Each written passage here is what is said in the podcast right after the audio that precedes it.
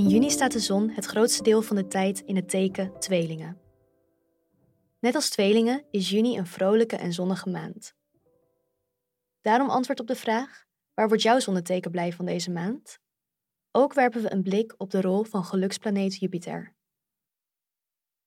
Maagd kan in stilte genieten als een product vlijt en ijverperfect is. Als een project, kledingstuk of ander voorwerp tot in de puntjes klopt en met zijn of haar eigen handen of geest tot stand is gebracht.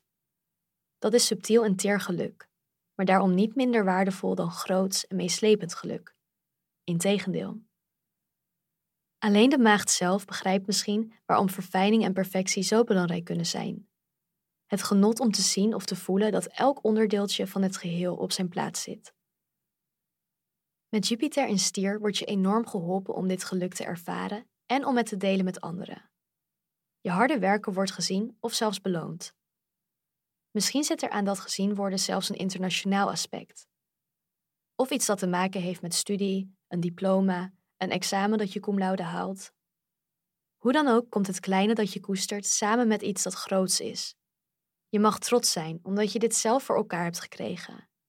Maar er zit ook een engeltje op je schouder dat stiekem heeft meegekeken en dat heeft gezien dat het goed is. Bedankt voor het luisteren. Wil je je maandhoroscoop nooit meer missen? Vergeet dan niet om je te abonneren op ons kanaal. Liefs, happiness.